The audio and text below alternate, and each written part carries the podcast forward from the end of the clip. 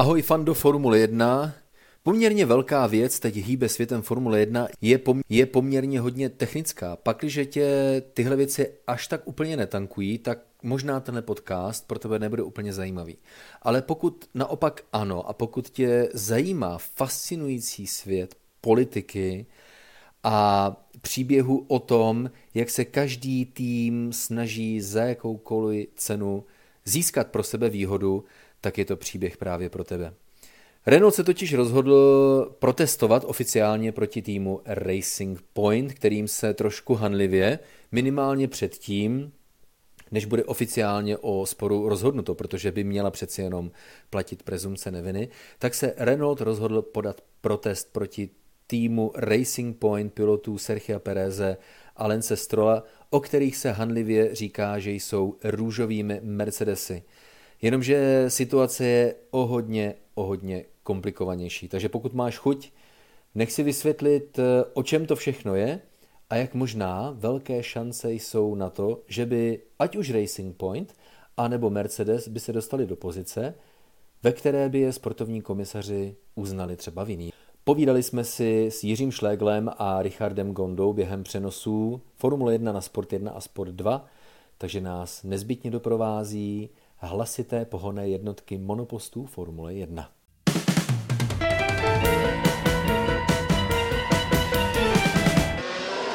Velká věc. Říká se jim růžové Mercedesy.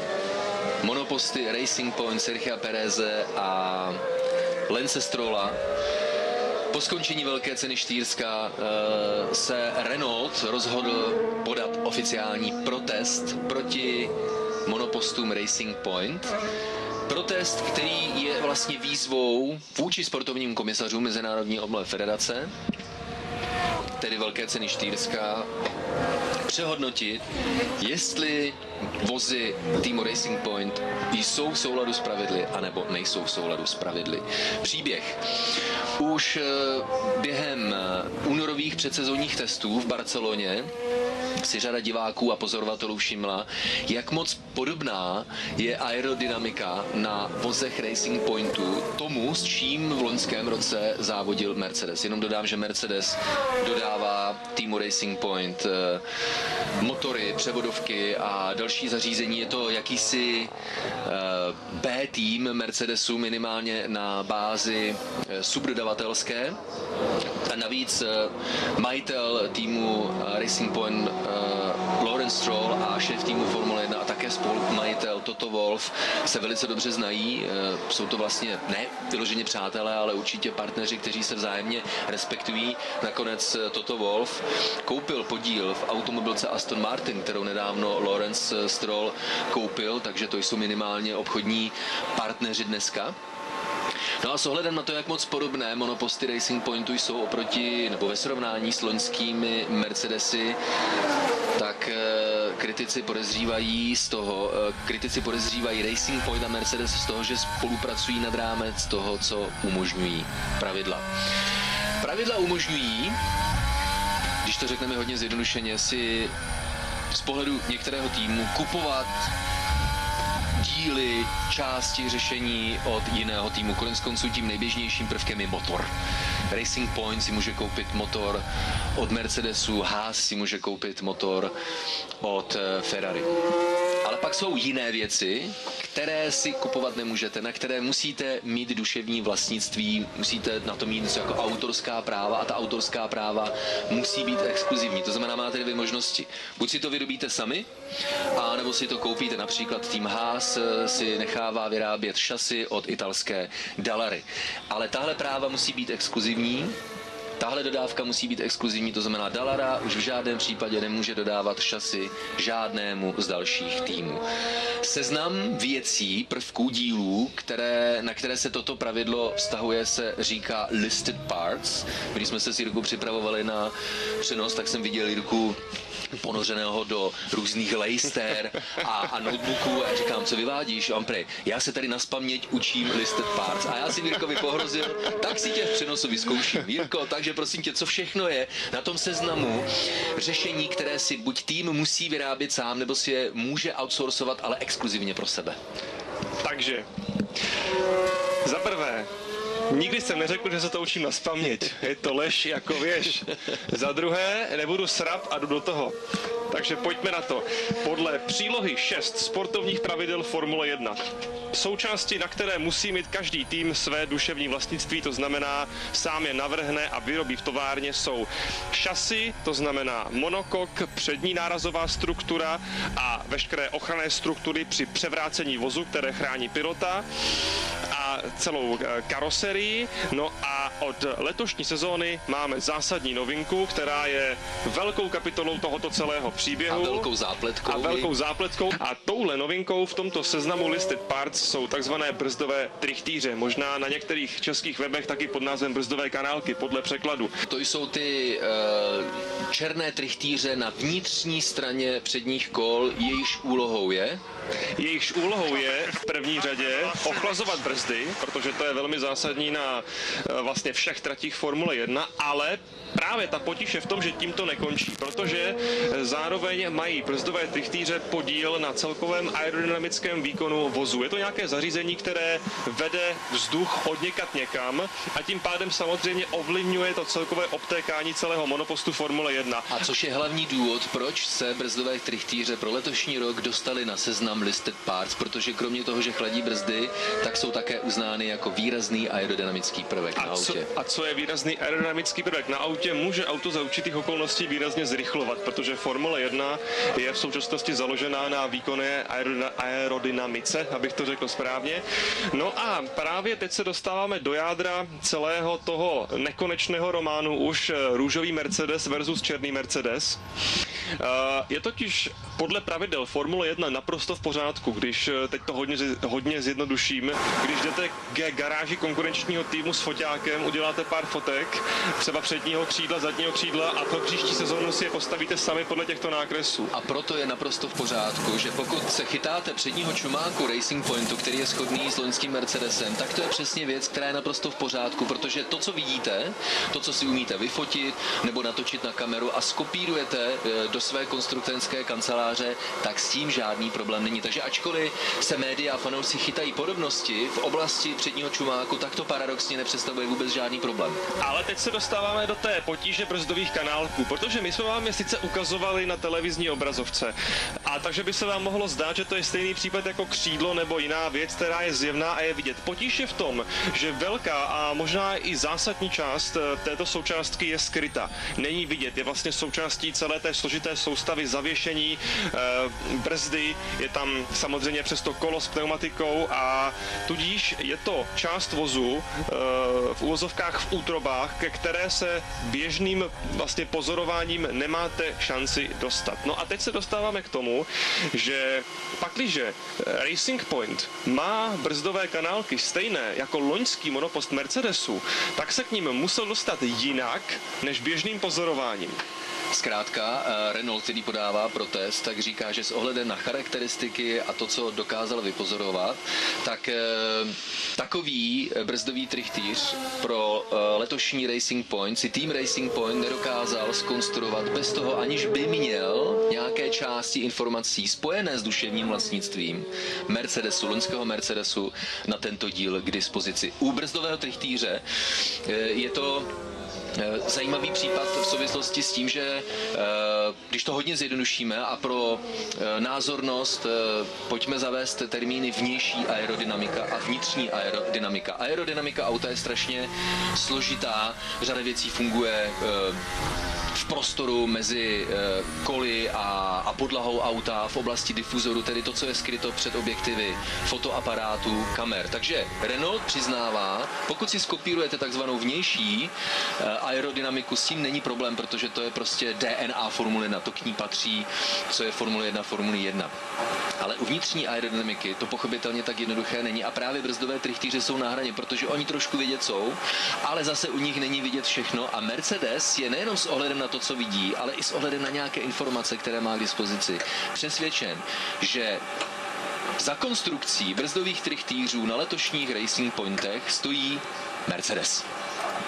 A teď si řekl, že Mercedes stojí za, za tím, co udělal Mercedes, takže si chtěl říct Renault.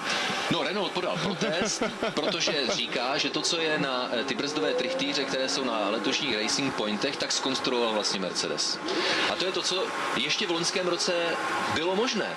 Vemte si e, problémy s brzdami na vozech Haas v úvodní velké ceně Rakouska, protože e, Haas musel začít konstruovat vlastní brzdové trichtýře a hned v prvním závodě poddimenzoval brzdový systém svých monopostů, proto e, měli borci e, problémy. Takže zatímco mít brzdový trichtýř skonstruovaný někým jiným, bylo možné mít na vašem autě ještě v loňském roce, letos to možné není. A to je přesně to, co Renault ve svém protestu říká. Podívejte se na to, protože my jsme přesvědčeni, že to není správně. A tím protestem Renaultu, řekněme touto charakteristikou a tou skutkovou podstatou, nám to otevírá další rovinu toho případu, protože se nám najednou na lavici obžalovaných dostává i samotný Mercedes. A tím pádem hrozí to podezření, že kromě Racing Pointu, který byl samozřejmě na očích hned po tom, co představil nový vůz pro tuto sezónu, se ten stín podezření začíná rozlévat i právě do téhle garáže, kde právě Lewis Hamilton je připravován na další výjezd do rychlého kola.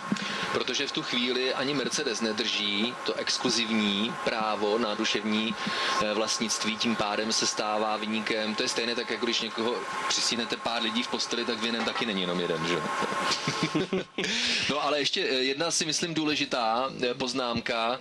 Kdo stojí za protestem Renaultu? Kdo je jakýmsi myšlenkovým architektem tohoto protestu?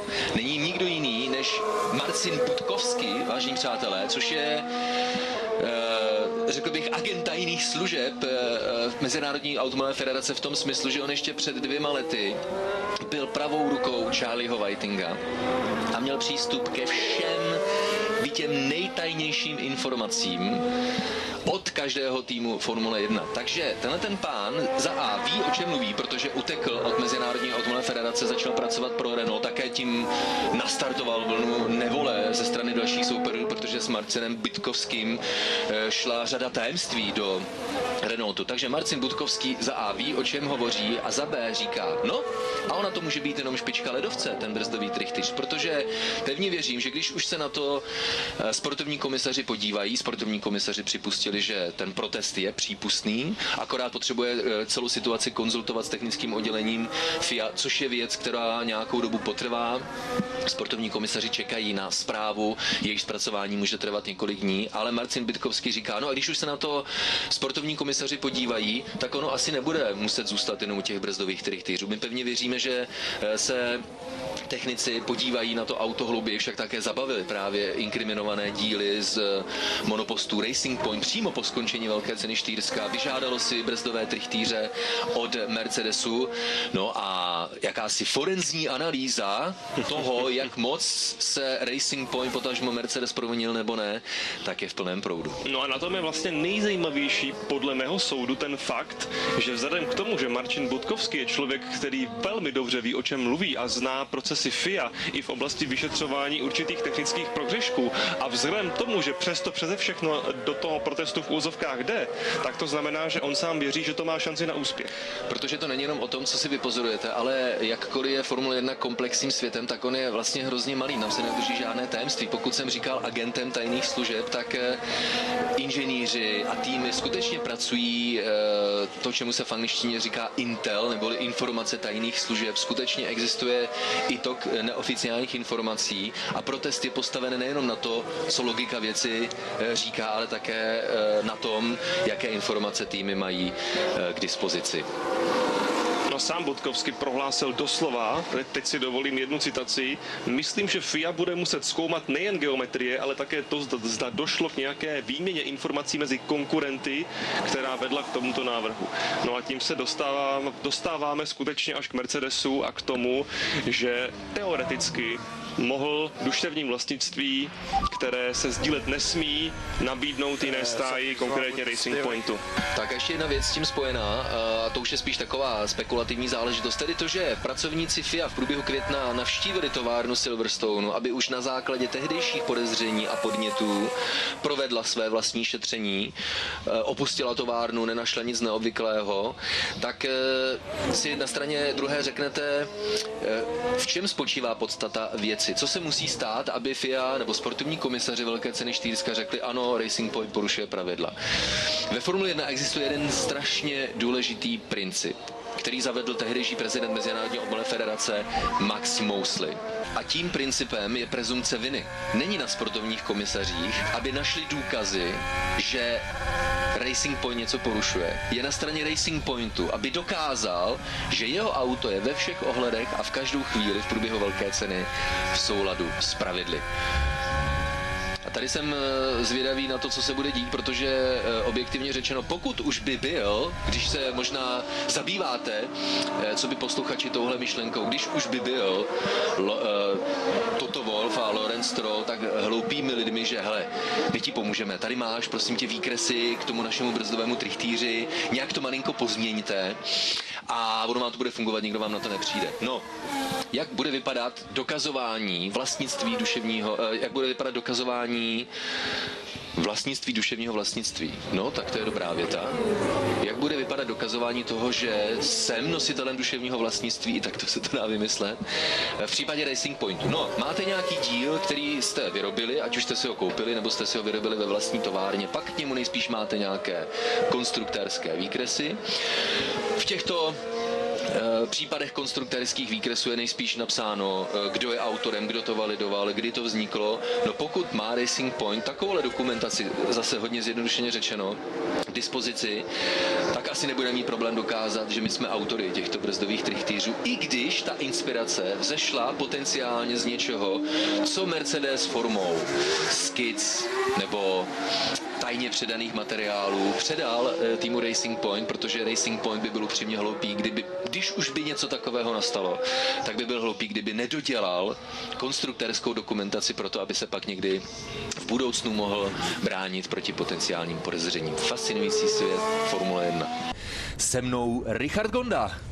Ahoj, ahoj Tomáš, ďakujem ti pekne za privítanie. Jsme hodně rozebrali téma protestu ze strany Renaultu vůči Racing Pointu, eh, co je jeho motivací. Ale mě zajímá jedna věc i v podstatě z eh, televizních záběrů a hlavně detailních fotografií. Je zřejmé, že onen brake duct, duct onen brzdový trichtýř na letošním Mercedesu... To je brzdová kačka? Br- brzdová kačica. brake duct. Duck, duck. Eh, brzdový trichtýř ten na továrním Mercedesu letošním a ten na letošním Racing Pointu jsou úplně jiné. Ale brzdový trichtýř na letošním Racing Pointu je hodně podobný tomu, který byl na loňském továrním Mercedesu. A tady nastává ta zápletka, si myslím, celého příběhu, protože ten brzdový trichtýř si ještě v loňském roce mohli týmy kupovat. On se pro letošní rok v rámci pravidel sezony 2020 ten brzdový trichtýř dostal na seznam o něch zakázaných prvků nebo řešení, které už si nemůžete uh, kupovat. Musíte na ně uh, držet uh, duševní práva, duševní vlastnictví a to duševní vlastnictví musí být exkluzivní, i když si třeba tým rozhodne, že si je pořídí zvenku. No ale teď mi řekni, pak je všechno v pořádku, protože majitelem duševního vlastnictví na brstový trichtýř letošního Racing Pointu je Racing Point, protože Mercedes používá úplně něco jiného. může, může, to, ono, může to být takto interpretováno? Uh, já si myslím, že právě nastala uh, taká zhoda okolností, keď to tak povieme.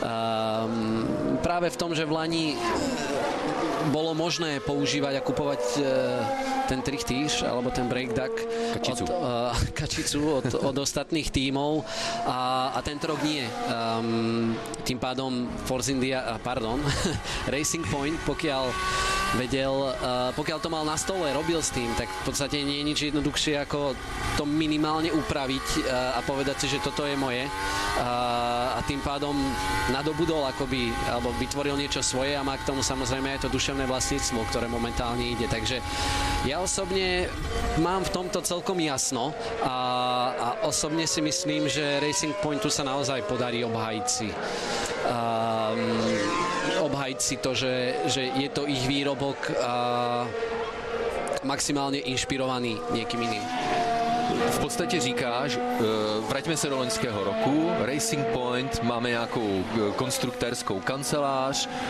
tenhle brzdový trichtýř konstruovat nebudeme, ten si kupujeme od Mercedesu. Přijde eh, podzim sezony 2019, přijde šéf a řekne, od příštího roku toto už od Mercedesu nesmíme kupovat, musíme si to vyrábět sami.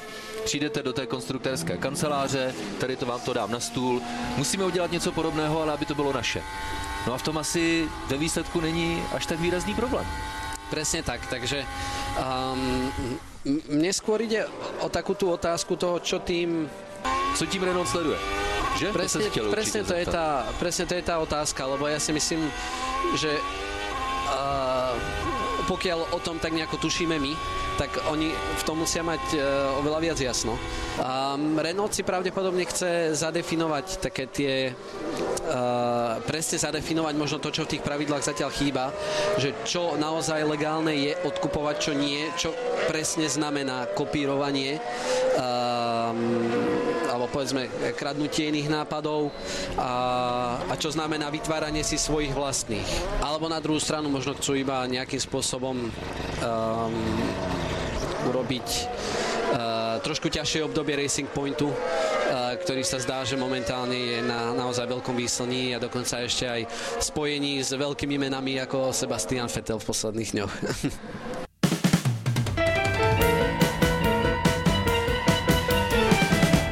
Zdravím, fando Formule 1. Já se jmenuji Tomáš Richter a je mi obrovskou ctí už řádku let komentovat přenosy Formule 1. Pokud jste se až teď rozhodli sledovat s námi alespoň závěr velké ceny, tak vám řeknu takovou zajímavou zprávu, o hodně jste přišli. Mezi velkými cenami se toho ale stihne hodně odehrát. Nakonec Formule 1 je sport mezi startovními světly a šachovnicovou vlajkou v cíli. Sebastian Vettel, you are the world champion! The world champion, well done, enjoy it! Všechno ostatní je biznis, politika a souvislosti. Bez nadsázky fascinující svět. Okay, so Fernando is faster than you.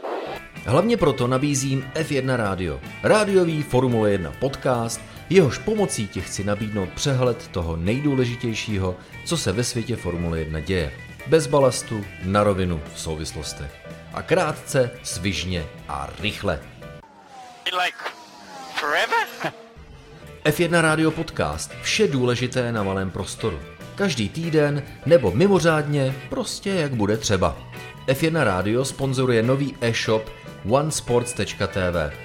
Vedle produktů ze světa Formule 1 se můžeš těšit na tisícovky položek zboží MotoGP, hokeje nebo fotbalu.